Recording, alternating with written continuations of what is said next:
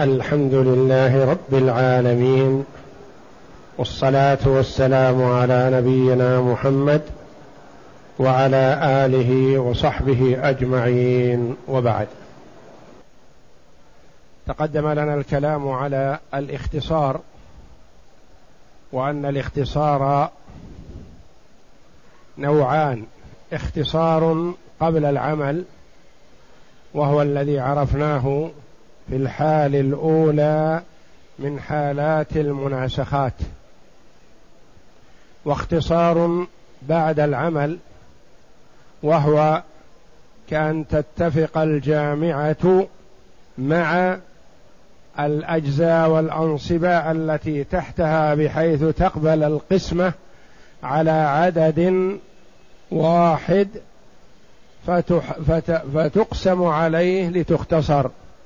كأن تكون الجامعة تقبل القسمة على اثنين وما تحتها كذلك فتقسم على اثنين اختصارا أو تقبل القسمة على ثلاثة أو على خمسة وما تحتها كذلك فتختصر وهذا يسمى الاختصار بعد العمل. وتقدم لنا إذا تعدد الأموات بعد الميت الأول في الحال الثالثة. وأننا نقسم تركة الميت الأول على ورثته ثم من مات بعده قسمنا مسألته على ورثته ثم نظرنا بين سهام الميت الثاني من المسألة الأولى ومسألته فلا يخلو إما أن تنقسم عليها وحينئذ تكون الجامعة هي الجامعة الأولى هي مصح الأولى للمسألتين. أو توافق أو تباين فنستخرج الجامعة للمسألتين الأوليين. ثم من مات بعد ذلك ننظر في سهامه من الجامعة الأولى مع مسألته. وهكذا فكل ميت بعد الميت الثاني يستخرج له مع ما قبله جامعة أخرى. فإذا كان الأموات مثلا ثلاثة الميت الأول والثاني لهما جامعة الثالث يستخرج له جامعة أخرى تجمع الأموات الثلاثة. إذا كان هناك ميت رابع مثلا استخرجنا الجامعة للميتين الأولين ثم جامعة ثالثة للميت الثالث مع من قبله ثم جامعة ثالثة للميت الرابع مع من قبله وهكذا. فتتعدد الجامعات بتعدد الأموات إلا الأولى والثانية ففي جامعة واحدة. والثالث يستخرج له جامعة ثانية والرابع يستخرج له جامعة ثالثة وهكذا. بسم الله الرحمن الرحيم. الحمد لله رب العالمين والصلاة والسلام على نبينا محمد وعلى آله وصحبه أجمعين. قال المؤلف رحمه الله تعالى ما هي صفة العمل؟ إذا مات قبل القسمة أكثر من ميت. وما هي صفة وضع الجدول في المناسخات؟ يعني مات قبل قسمة التركة أكثر من ميت. يعني صاروا ثلاثة أموات أو أربعة أموات. فما هي صفة العمل؟ نعم. صفة العمل أن تأخذ سهام الميت الثالث من الجامعة للأول للأوليين. بعد الجامعة الأولى لأن الجامعة الأولى عرف ما قبلها. فإذا كان الميت الأول والميت الثاني لهما جامعة مستقلة. ثم مات واحد من ورثة الأموات ورثة الميتين قبل أن تقسم التركة. فكيف العمل وقد استخرجنا الجامعة؟ نقول نعم نستخرج له مع من قبله جامعة ثانية. نعم. صفة العمل أن تأخذ سهام الميت الثالث من الجامعة للأوليين. الجامعة الأولى للأوليين للميتين الأولين. نعم. وتنظر بينها وبين مسألته. بينها وبين مسألته. قد تكون سهامه ثمانية ومسألته ثمانية منقسمة عليها فتكون الجامعة الثانية هي الجامعة الأولى. نعم. فإن انقسمت سهامه على مسألته صحت الثالثة مما صحت. صحت الثالثة يعني المسألة الثالثة و وهي الج... وفيها ويستخرج لها الجامعة الثانية. نعم. صحت الثالثة مما صحت منه الأوليين ولم تحتج لعمل. لأن السهام منقسمة على المسألة. نعم. وإن لم تنقسم سهامه على مسألته فإما أن توافق سهامه مسألته أو تباين. لا يخلو من ثلاثة أمور. إما أن تنقسم السهام على المسألة أو لا تنقسم لكن توافق السهام المسألة كأن تكون السهام مثلا ستة والمسألة من اثني عشر موافقة. أو ستة وثمانية أو أربعة وستة أو أربعة وثمانية. وهكذا تكون موافقة يعني يتفق العددان في أن يقبل القسمة على عدد ثالث. نعم. فإن وافقت سهامه مسألته أخذت وفق وافقت تأخذ الوفق. النوع الثالث أن تباين. سهام الميت من الجامعة الأولى مع مسألته لا يخلو من ثلاثة أحوال. الحالة الأولى تنقسم. سهام ثمانية ومسألة من ثمانية. سهام ثمانية ومسألته من أربعة تنقسم فيها اثنان. سهامه اثنا عشر ومسألته من ثلاثة تنقسم فيها أربعة. وهكذا هذا يسمى انقسام وتكون الجامعة الثانية هي الجامعة الأولى نفسها. الحالة الثانية أن لا تنقسم السهام على المسألة. تكون السهام غير منقسمة على المسألة كأن تكون السهام مثلا ثمانية. والمسألة من ستة غير منقسمة. السهام أربعة والمسألة من ستة. السهام أربعة والمسألة من ثمانية غير منقسمة. الحالة الثالثة ألا تنقسم السهام على المسألة ولا توافق. ولا توافق. تكون السهام مثلا ثلاثة والمسألة من خمسة مثلا أو العكس. أو تكون السهام سبعة والمسألة من ثلاثة أو من أربعة غير منقسمة وغير متفقة بجزء من الأجزاء وتسمى مباينة. ولكل كل واحدة من هذه الثلاث طريقة في العمل. إذا انقسمت قسمت السهام على المسألة وصحت الجامعة الثانية مما صحت منه الأولى. إذا لم تنقسم ولكن توافقت فتأخذ وفق المسألة وتضرب به الجامعة الأولى فتنتج الجامعة الثانية. ما انقسمت وما توافقت وإنما تباينت تأخذ المسألة الثانية بكاملها وتضربها في الجامعة الأولى بكاملها والناتج يكون جامعة ثانية. نعم. فإن وافقت سهامه مسألته أخذت وفق المسألة الثالثة وضربته في الجامعة للأوليين. فما بلغ فمنه تصح. وهو الجامعة للمسائل الثلاث. يعني الجامعة الثانية للمسائل الثلاث. نعم. فإذا أردت القسم فمن له شيء من الجامعة للأوليين أخذه مضروبا في وفق المسألة الثالثة. هذا في حال الموافقة. نعم.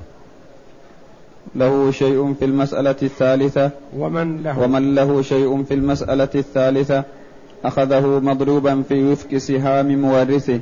في وفق السهام التي هي وافقت فيها المسألة. نعم.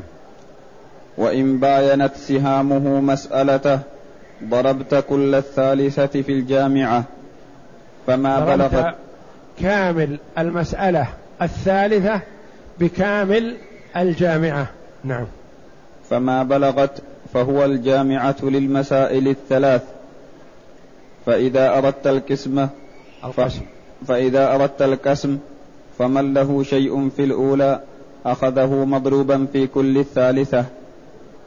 ومن له يعني له شيء من الجامعة الأولى أخذه مضروبا في كل المسألة الثالثة. نعم. ومن له شيء من الثالثة أخذه مضروبا في كل سهام مورثه. ومن له شيء من المسألة الثالثة أخذه مضروبا في كامل سهام مورثه. نعم. فتكون الجامعة للمسائل الأولى بالنسبة إلى ما بعدها كالمسألة الأولى. الجامعة تكون بالنسبة لما بعدها كأصل المسألة الأولى بالنسبة للمسائل الأخرى. نعم. ومس... ومسألة الميت الثالث الميت الثالث كالثانية وهكذا. لو مات رابع أو خامس أو نحو ذلك. والاختبار. والاختبار بجمع الأنصباء فإن ساوى وحاصلها الجامعة فالعمل صحيح وإلا فأعده. نعم. مثال الانقسام خلف زوجة وبنتا وعما ثم ماتت البنت عما في المسألة ثم ماتت الزوجة عن زوج وأختين شقيقتين فالمسألة الأولى من ثمانية. للزوجة الثمن واحد وللبنت النصف أربعة والباقي للعم ثلاثة. والمسألة الثانية من ثلاثة للأم الثلث واحد والباقي للعم. وسهام الميتة وسهام الميتة من الأولى أربعة ومسألتها من ثلاثة مباينة. فتضرب الثانية وهي ثلاثة في كل الأولى ثمانية. فتبلغ أربعة وعشرين للزوجة من الأولى واحد مضروبا في كل الثانية ثلاثة بثلاثة ولها من الثانية بكونها أما واحد مضروبا في سهام الميتة بأربعة ولها من المسألتين سبعة. وللعم من الأولى ثلاثة مضروبا في كل الثانية ثلاثة بتسعة وله من الثانية اثنان مضروبا بأربعة. سهام الميتة يحصل ثمانية فمجموع ما له من المسألتين سبعة عشر. والمسألة الثالثة من ستة وتعول إلى سبعة. للزوج النصف ثلاثة وللأختين الثلثان أربعة. وسهام الميتة من الأولى سبعة ومسألتها من سبعة. فتكون سهاما منقسمة على مسألتها فتصح مما صحت منه الأولى وصورتها في الجدول. انظرها في الجدول. زوجة بنت عم. زوجة وبنت من ثمانية. لأن للزوجة الثمن لوجود الفرع الوارث وللبنت النصف أربعة. وللزوجة الثمن واحد والباقي يأخذه العم ثلاثة. هذه مسألة الميت الأول من ثمانية. ماتت البنت عن أمها التي هي زوجة في الأولى وعن عمها الذي هو عم في الأولى يعني هو عم أبيها هو عمها. ما في أقرب منه. فماتت عن أمها وعم أبيها. فالمسألة أم وعم من ثلاثة. للأم الثلث واحد وللعم الباقي اثنان. نظرنا بين سهام البنت ومسألتها. سهامها أربعة ومسألتها من ثلاثة بينهما مباينة. نضرب الثلاثة في الثمانية فتنتج الجامعة الأولى أربعة وعشرون. نعطيهم. فنقول للزوجة في الأولى واحد في ثلاثة بثلاثة. ولها من الثانية واحد في أربعة بأربعة. ثلاثة وأربعة مجموعهما سبعة. هذا نصيب الزوجة التي هي أم في الثانية. العم له ثلاثة بثلاثة في المسألة الأولى وله اثنان في أربعة من المسألة الثانية فله تسعة من الأولى وثمانية من الثانية مجموعهما سبعة عشر. هذه انتهت الجامعة الأولى بمسألتيها. ماتت الأم التي هي أم في الثانية وزوجة في الأولى ماتت عن زوج وشقيقة وشقيقة. قد يقول قائل مثلا كيف هي زوجة في الأولى ثم ماتت بعد ذلك عن زوج؟ نقول نعم. هي ورثت زوجها الأول ثم تزوجت بعده ثم ماتت عن زوجها الثاني وعن أختيها الشقيقتين. فسهامها مسألتها أولا زوج وشقيقتان من كم؟ زوج له النصف والشقيقتان لهما الثلثان. من ستة وتعول إلى سبعة. فمسألتها صحت من سبعة. سهامها من المسألة الأولى والثانية من الجامعة الأولى سهامها سبعة. ومسألتها من سبعة. منقسمة والحمد لله. نقسم السبعة السهام على المسألة فينتج واحد. وننقل الجامعة الأولى ونجعلها هي الجامعة الثانية. فمن له شيء من الجامعة الأولى أخذه بحاله لا زيادة ولا نقص. ومن له شيء من المسألة الثالثة أخذه مضروبا في ناتج قسمة سهام المورث على المسألة التي هو واحد. فنقول مثلا بقي عندنا من ورثة المسألتين الأولى والثانية العم. العم له من الجامعة الأولى كم؟ سبعة عشر. أخذها برمتها. لا زيادة ولا نقص. الزوج في المسألة الثالثة له ثلاثة. من السبعة. ثلاثة تضرب في واحد. ناتج قسمة السبعة على السبعة. فيأخذ ثلاثة في واحد بثلاثة. الأخت الشقيقة الأولى لها اثنان. مضروبة في واحد باثنين. الأخت الشقيقة الثانية لها اثنان. مضروبة في واحد فينتج لها اثنان. وهكذا. إذا الجامعة الأولى هي أصبحت هي الجامعة الثانية.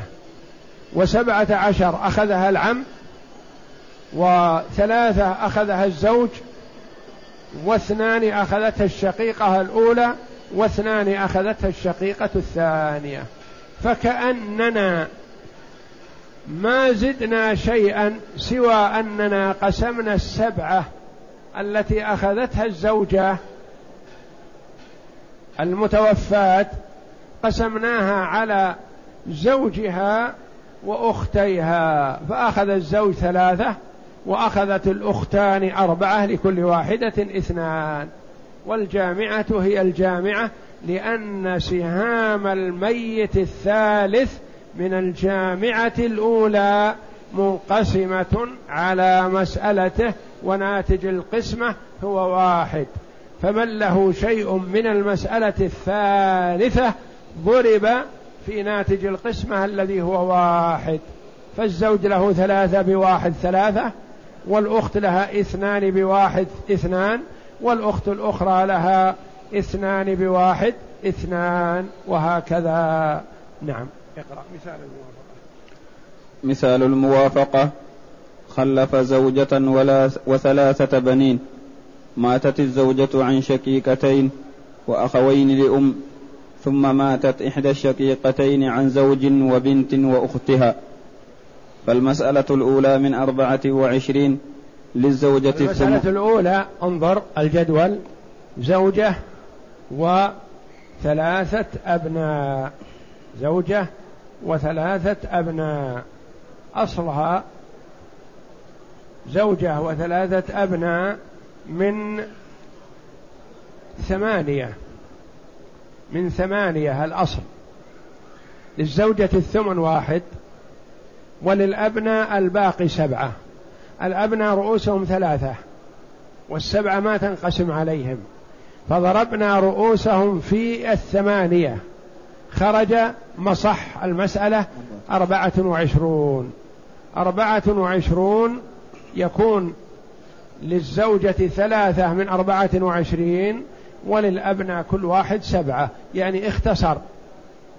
اختصر بناء وثقة على معرفتك. أنك عرفت كيف خرج مصح المسألة وإلا فأصلها من ثمانية ليس من أربعة وعشرين. لو أن المرأة أصلها من سبع. من أربع وعشرين لقيل أخطأت. كيف تكون من ثمانية وترفعها إلى أربعة وعشرين؟ ما فيها إلا ثمن واحد فرض. ومخرج الثمن من سمية من ثمانية. لكن هو اتكل على معرفتك وجعل الأصل المصح من أول مرة. مصحها أربعة وعشرون للزوجة ثلاثة التي هي الثمن. ويبقى واحد وعشرون لكل واحد من الأبناء الثلاثة سبعة. نعم. ثم من مات بعد هذا ماتت الزوجة. ماتت الزوجة التي أخذت ثلاثة. من ماتت عنه؟ ماتت عن شقيقة وشقيقة وأخ لأم وأخ لأم. أختين شقيقتين وأخوين لأم. قد يقول قائل أين ذهب هؤلاء الأبناء؟ نقول هؤلاء ليسوا لها. هؤلاء أبناء لزوجها وهي ليس لها أبناء وإنما ورثها شقيقتان وأخت وأخوان لأم. نعم. فالشقيقتان إذا كانت المسألتها مسألة الزوجة شقيقتان وأخوان لأم. المسألة من أول مرة مثل الأولى اختصرها كذلك. المسألة من ثلاثة. للشقيقتين اثنان منقسم عليهن. وللأخوين لأم واحد الثلث. واحد غير منقسم عليهم. كم رؤوسهم؟ اثنان. مضروبا في ثلاثة. اثنان مضروبا في ثلاثة ينتج ستة. ينتج هذا مصح ستة. بدل ما هو الأصل ثلاثة والمصح ستة. أعطيناهم أعطينا الشقيقة اثنين والشقيقة الثانية اثنين وأعطينا الأخ لأم واحد وأعطينا الأخ لأم الثاني واحد. أصبح مصحها من ستة. نعم. نريد الآن أن نستخرج الجامعة الأولى. نعم. فالمسألة الأولى من أربعة وعشرين للزوجة الثمن ثلاثة. والباقي للأبناء وهو واحد وعشرون لكل ابن سبعة والذي هو ثلاثة. والثانية من ستة للأختين. عرفت أنها ليست من ستة الأولى ليست من أربعة وعشرين وإنما هي من ثمانية. من ثمانية وصحت من أربعة وعشرين. والثانية من ثلاثة وصحت من أربعة من ستة. نعم. والثانية من ستة للأختين الشقيقتين الثلثان أربعة لكل واحدة اثنان وللإخوة للأم الثلث اثنان لكل أخ واحد وهي موافقة لسهام الميتة بالثلث. والحاصل انظر من الذي مات بعد هذا؟ مات اولا ماتت الزوجة الأولى. يريد أن يستخرج الآن الجامعة الأولى. سهام الميتة الأولى. يعني بعد بعد الميت الأول. سهامها ثلاثة ومسألتها من ستة. بينهما موافقة في الثلث. نأخذ ثلث المسألة ونضربها في الأربعة والعشرين كامل الأولى. تنتج الجامعة الأولى ثمانية وأربعون. لو وضعت فوق الثمانية والأربعين هذه الجامعة رقم واحد الجامعة الأولى. الثمانية والأربعون اكتب فوقها الجامعة تحتها رقم واحد. على أساس أنها الجامعة الأولى والمسألة الثالثة. والمسألة الثالثة أي مسألة هذه؟ مسألة الشقيقة. إحدى الشقيقتين ماتت عن شقيقتها وعن زوجها وعن بنتها. نعم. والمسألة الثالثة تصح من أربعة للزوج الربع واحد. لأن و... فيها ربع ونصف وباقي. البنت لها النصف. والزوج له الربع لوجود الفرع الوارث والباقي للأخت. فإذا كان في المسألة ربع ونصف فالمسألة من من أربعة. نعطي الزوج الربع واحد لوجود الفرع الوارث ونعطي البنت النصف اثنين ونعطي الأخت الشقيقة الباقي واحد. ليس فرضا هذا يقول المؤلف رحمه الله والأخوات إن تكن بنات فهن معهن معصبات. فالأخت هنا معصبة مع البنت. نعم. وللبنت. تسمى عصبة مع الغير لا عصبة بالغير عصبة بالغير. الإخوة يعصبون أخواتهم والأبناء يعصبون أخواتهم كذلك. البنات هؤلاء يقال عصبة بالغير. وأما الأخت مع البنت فهي عصبة مع مع الغير. نعم. والمسألة الثالثة تصح من أربعة للزوج الربع واحد وللبنت النصف اثنان وللشقيقة الباقي واحد فهي موافقة لسهامها بالنصف. كم سهامها؟ سهامها اثنان ومسألتها من أربعة. تنقسم السهام على المسألة؟ الاثنان تنقسم على الأربعة؟ لا يخرج نصف ولا يتأتى معنا وإنما نقول بينهما موافقة. لأن الاثنين تنقسم على اثنين ينتج واحد. والأربعة تنقسم على اثنين ينتج اثنان. فبينهما موافقة بالنصف. فوفق السهام كم؟ واحد. ووفق المسألة كم؟ اثنان. نعم. نضرب الاثنين في الثمانية والأربعين. فتخرج ستة وتسعون وهي الجامعة الثانية. اكتب عليها الجامعة اثنين. والحاصل من ضرب وفقها في الجامعة الأولى ستة وتسعون وهي الجامعة للمسائل الثلاث. وصورتها في الجدول مع تحويل نسيب كل واحد إلى قراريط. حول المؤلف في هذا ليذكرك ما مضى في قسمة التركات ليذكرك القراريط. فمثلا الجامعة الثانية الابن الأول انظر له أربعة عشر. مضروبة في كم؟ في وفق المسألة الثالثة. أربعة عشر في اثنين بثمان وعشرين. وكذلك إخوته مثله. تليه الشقيقة بعد التي ماتت. لها من المسألة الأولى. لها اثنان في اثنين. بكم؟ بأربعة. ولها واحد في واحد بواحد. لها أربعة واحد. كم مجموعها؟ خمسة من الجامعة الثانية. والأخ لأم من المسألة الأولى. له واحد في اثنين باثنين. والأخ لأم الثاني له واحد في اثنين باثنين. واحد. والبنت لها اثنان في واحد باثنين.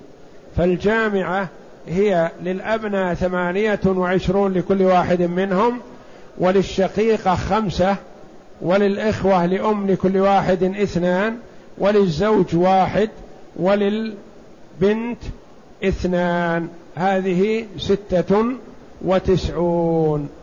ستة وتسعون. هنا ثمانية وعشرون. قسمها على مخرج القيراط على قيراط المسألة. ستة وتسعون. كم قيراطها؟ إذا كانت جامعتها ستة وتسعون. إذا قسمناها على أربعة وعشرين كم ينتج؟ أربعة. أربعة نحللها إلى أضلاعها. كم أضلاعها؟ اثنان في اثنين.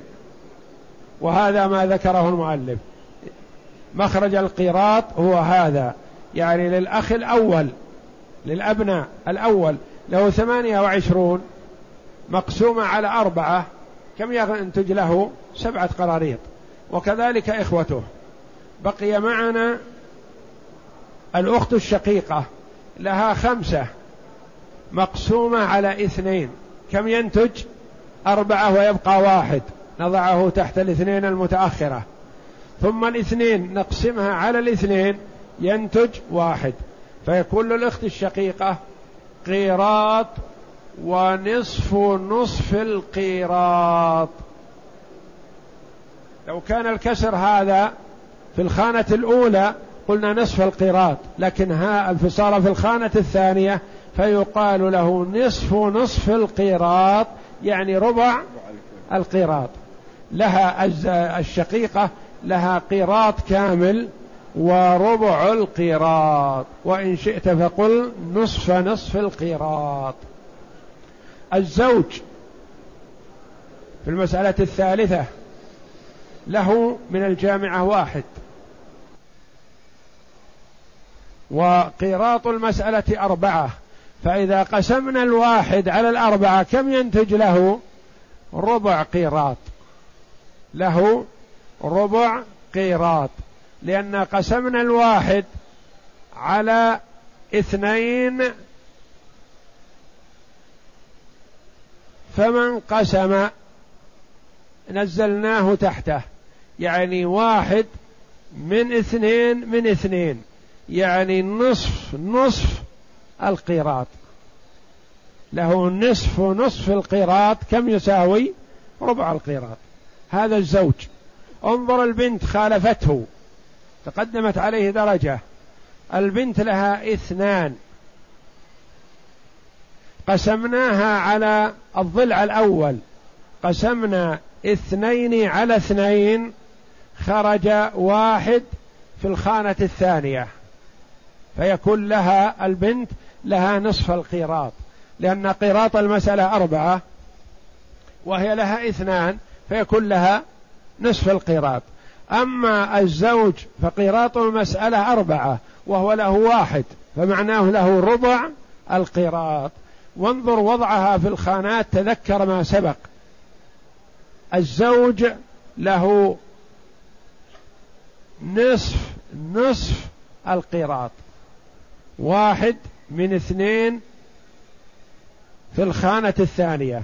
البنت لها واحد من اثنين في الخالة الأولى يعني نصف القيراط.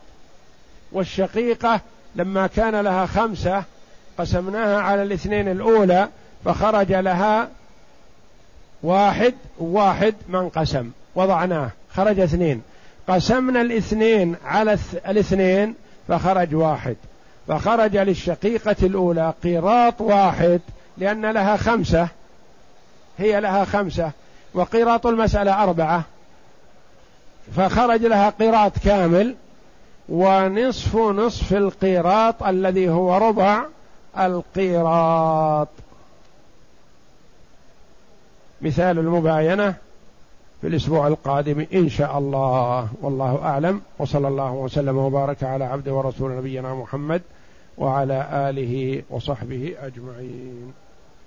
يقول وقف شخصي له قرابة مئتي سنة. هذا الوقف يوزع بين الذكور دون النساء. فهل يجوز لمن له قسم منه أن يوقفه على ورثته حسب الإرث الشرعي؟ هذا لا يخلو. إن كان موقوفا عليه بعينه حيا وميتا يعني تمليك له عبارة فيوقفه أما إذا كان وقف عليه حال حياته فهو إذا مات ينتقل لغيره ما ليس له فيه شيء. كحال كثير من الأوقاف تكون موقوفة على الذرية ما تناسلوا فإذا مات الشخص ما بقي له شيء يوقفه لأنه ينتقل لغيره. ولا بد في مثل هذا من الاطلاع على صك الوقفية الأصلي. شخص عقد نية الإحرام في الميقات وآخر لبس الإحرام كأن يعقد نية النسك في السيل وتجرد من المخيط في جدة ثم جاء إلى مكة معتمرا أو حاجا ما الحكم؟ هذا لا يخلو. يقول إنه عقد النية من الميقات لا غبار عليه ولكنه لم يتجرد من المخيط إلا في جدة. فعندما وصل جدة تجرد من المخيط ولبس ملابس الإحرام ودخل مكة. إن كان استمراره في المخيط من السيل إلى جدة مثلا جهلا فلا شيء عليه. تجرد من المخيط في جدة ودخل مكة لا بأس عليه. وليس عليه فدية. وأما إذا كان غير جاهل ولا ناسي وإنما قال أستحي أن أدخل جدة وعلي إحرامي وأخر الإحرام حتى أنتهي من جدة ثم ألبس ملابس الإحرام ومع علمه بأنه لا يجوز الاستمرار في ملابس الإحرام لكنه قال أتحمل ما يكون. نقول على هذا فدية وهو عدم التجرد من المخيط وهي إطعام ستة مساكين أو صيام ثلاثة أيام أو ذبح شاة. يقول اشتريت تمرا مكتوبا عليه يحرم بيعها ولم أعلم بذلك إلا بعد شرائها فما الحكم؟ هذا لا يخلو. إن كان الذي صاحبها الأول الذي كتب عليها يحرم بيعها ما باعها؟ تصدق بها على مسكين. وأنت اشتريتها من المسكين. بما قل أو كثر فلا شيء في هذا. لأن من تصدق عليه بها هو حر التصرف فيها. ما تتحكم فيه أنت. ما تقول أنا أعطيك هذا التمر بشرط أن تاكلها لا. أنت أعطيته إياه صدقة. فهو في غنى عنها مثلا وباعها مثل لو أعطيته صدقة الفطر. صدقة الفطر أنت يحرم عليك بيعها. لكن أعطيتها لمسكين مسكين وأنت واقف عنده قال من يشتري هذه الصدقة؟ تعود أنت تشتريها منه لا شيء في هذا. أنت صاحبها تشتريها منه إن شئت لأنك اشتريتها من المسكين. المسكين يبيعها. هذا التمر الموقوف مثلا المتصدق به على هذا الشخص هو حر في بيعه. أما إذا كان صاحبه الذي جعله صدقة باعه عليك فليس لا يصح له هذا إلا إن كان نوى أنه صدقة تطوع وعدل عن البيع فمن حقه. يعني الأقرب أنه لا شيء في هذا لأن في احتمالات كثيرة أنه يصح بيعها. لو أن صاحبها مثلا تصدق بكذا من البر أو من التمر أو من غيره أخرج ألف كيلو يريد أن يتصدق بها. مثلا صدقة تطوع ثم بدا له أن يبيع منها عشرين كيلو أو ثلاثين كيلو أو خمسين كيلو لينفقها على نفسه أو على من ما يريد. فله ذلك صدقة التطوع. أما إذا كانت زكاة مال يعني صدقة صدقة ثمرة صدقة عن ثمرة من صاحبها فلا يجوز له بيعها بل يجب أن يعطيها لمستحقها. يقول طلب مني أحد المرضى أن أركي له في ماء زمزم. لا حرج في هذا. أن تقرأ عليه مباشرة أو تقرأ في ماء زمزم وتنفخ فيه ثم تعطيه للمريض يشربه أو يصبه على رأسه أو يغتسل به لا حرج في هذا والحمد لله. هذا وارد. ما الحكم في العمرة التي يحل فيها المعتمر إحرامه بالتقصير لنفسه بعد الانتهاء من السعي؟ هل يجوز أن يقصر المعتمر لنفسه للحل؟ لا بأس أن يقصر المعتمر لنفسه ولا بأس أن يقصر لغيره وغيره وهو لم يتحلل بعد لا حرج لأن المحرم ليس ممنوع من التقصير لأي شخص. يقصر لمن شاء لكن لا يأخذ من شعره ما دام لم يطف يسعى فإذا طاف وسعى فله أن يقصر هو بنفسه لنفسه. وله أن يقصر أن يعطي رأسه لمن يقصر منه سواء كان محرما أو حلالا. لا بأس. يسأل عن الصيام من الشهر. من صام ثلاثة أيام من الشهر. هل يصح أن يفرقها؟ أم يلزم أن تكون أيام البيض؟ أم تحدد بأيام معينة؟ ويذكر حديث معاذة العدوية أنها سألت عائشة رضي الله عنها أكان يصوم رسول الله صلى الله عليه وسلم يصوم من كل شهر ثلاثة أيام. قالت نعم. فقلت من أي الشهر كان يصوم؟ قالت لم يكن يبالي من أي الشهر يصوم. رواه مسلم. نعم. صيام ثلاثة أيام من كل شهر وصى بها النبي صلى الله عليه وسلم أبا ذر وأبا هريرة رضي الله عنهما. ووصية النبي صلى الله عليه وسلم لفرد من أفراد الصحابة رضي الله عنهم أجمعين وصية للأمة قاطبة. وصى بصيام ثلاثة أيام شهر هذه وصية لكل مسلم. فإذا تيسر له وصامها في أيام البيض وهي ثلاثة عشر وأربعة عشر وخمسة عشر فحسن. وإن صامها في الأسابيع من كل أسبوع يوم وصام تحرى يوم الخميس مثلا أو تحرى يوم الاثنين أو صامها أي يوم يكون قادرا على الصيام فلا بأس. الأولى أن يتخير فيها أيام البيض. فإذا لم يتيسر له ذلك ففي أي يوم من الشهر صام. صام ثلاثة الأيام من الأسبوع الأول من الشهر أو الأسبوع الثاني أو الأسبوع الثالث أو الرابع أو وزعها في ثلاثة أسابيع كل هذا جائز والحمد لله.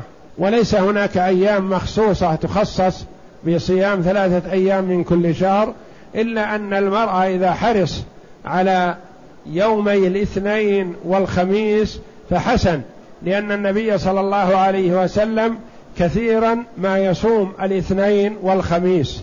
فسئل عن ذلك فقال هما يومان تعرض فيهما الأعمال على الله فأحب أن يعرض عملي وأنا صائم.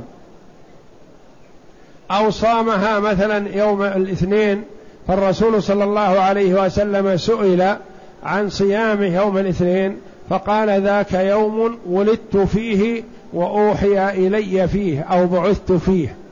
يعني ميزه صلى الله عليه وسلم لأنه ولد فيه وبعث فيه. فإذا تخير يوم الاثنين لأن النبي صلى الله عليه وسلم كان يصومه فحسن. يقول ما حكم المعتمر الذي تجاوز الميقات جهلا منه وجاء إلى الحرم؟ كيف يؤدي العمرة؟ هل يرجع إلى جدة أم يحرم, يحرم من التنعيم؟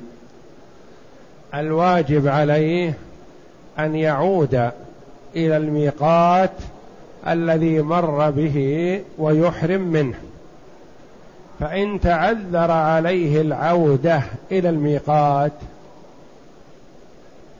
فيحرم من الحل أي من التنعيم أو غيره ويكون عليه هدي. لأنه تجاوز الميقات بدون إحرام. والواجب أن يعود إلى الميقات. فإن تعذر العود إلى الميقات فيحرم من الحل وعليه هدي. يقول سافرت إلى اليمن وبقيت أقل من أربعة أشهر ثم رجعت وكنت مريضا ولم أقدر أحرم من الميقات من ميقات أهل اليمن وواصلت السفر إلى جدة ثم ارتحت وأحرمت من جدة وطفت وسعيت ولم أدري هل العمرة صحيح أم لا. هذا الذي جاء من اليمن ومر بالميقات ولم يحرم منه يقول لأنه كان مريض. ثم لما وصل جدة واستراح أحرم من جدة. نقول له لا تخلو لا يخلو حالك من أمرين. إن كنت حينما حاذيت الميقات ناو العمرة وقاصد أن تعتمر وأخرت الإحرام إلى جدة فعليك هدي لأنك تجاوزت الميقات بدون إحرام. والمرض لا يمنعك من الإحرام تتجرد من المخيط. إن كنت السائر رجل وتحرم. والمرأة تعقد النية بثيابها وملابسها ولا يؤثر على المرض. هذه حال. الحال الثانية إن كنت لكونك مريض تقول ما أدري هل أتمكن من العمرة أو لا. ما ما أردت العمرة. لأنك تقول أنا عاجز عن تأدية العمرة وأما التجرد من المخيط فلا يحتاج فليس فيه عجز. لكن تقول لا أتمكن من العمرة. وما نويت العمرة؟ دخلت ما نويت العمرة. فلما وصلت جدة ومن الله عليك بالشفاء والنشاط رغبت أن تحرم. فأحرمت من جدة في هذه الحال فلا شيء عليك.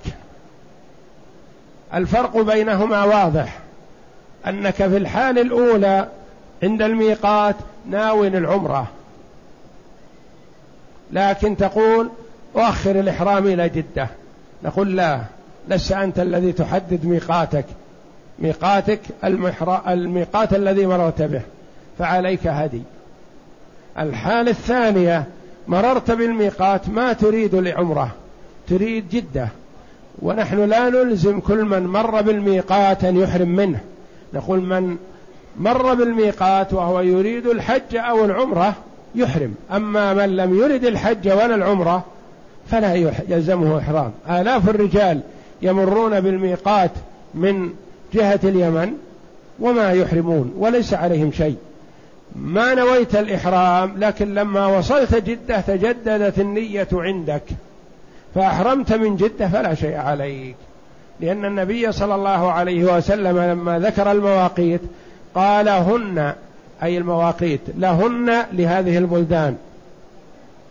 ولمن أتى عليهن من غير أهلهن ممن أراد الحج والعمرة هذا الشاهد. ممن أراد الحج أو العمرة.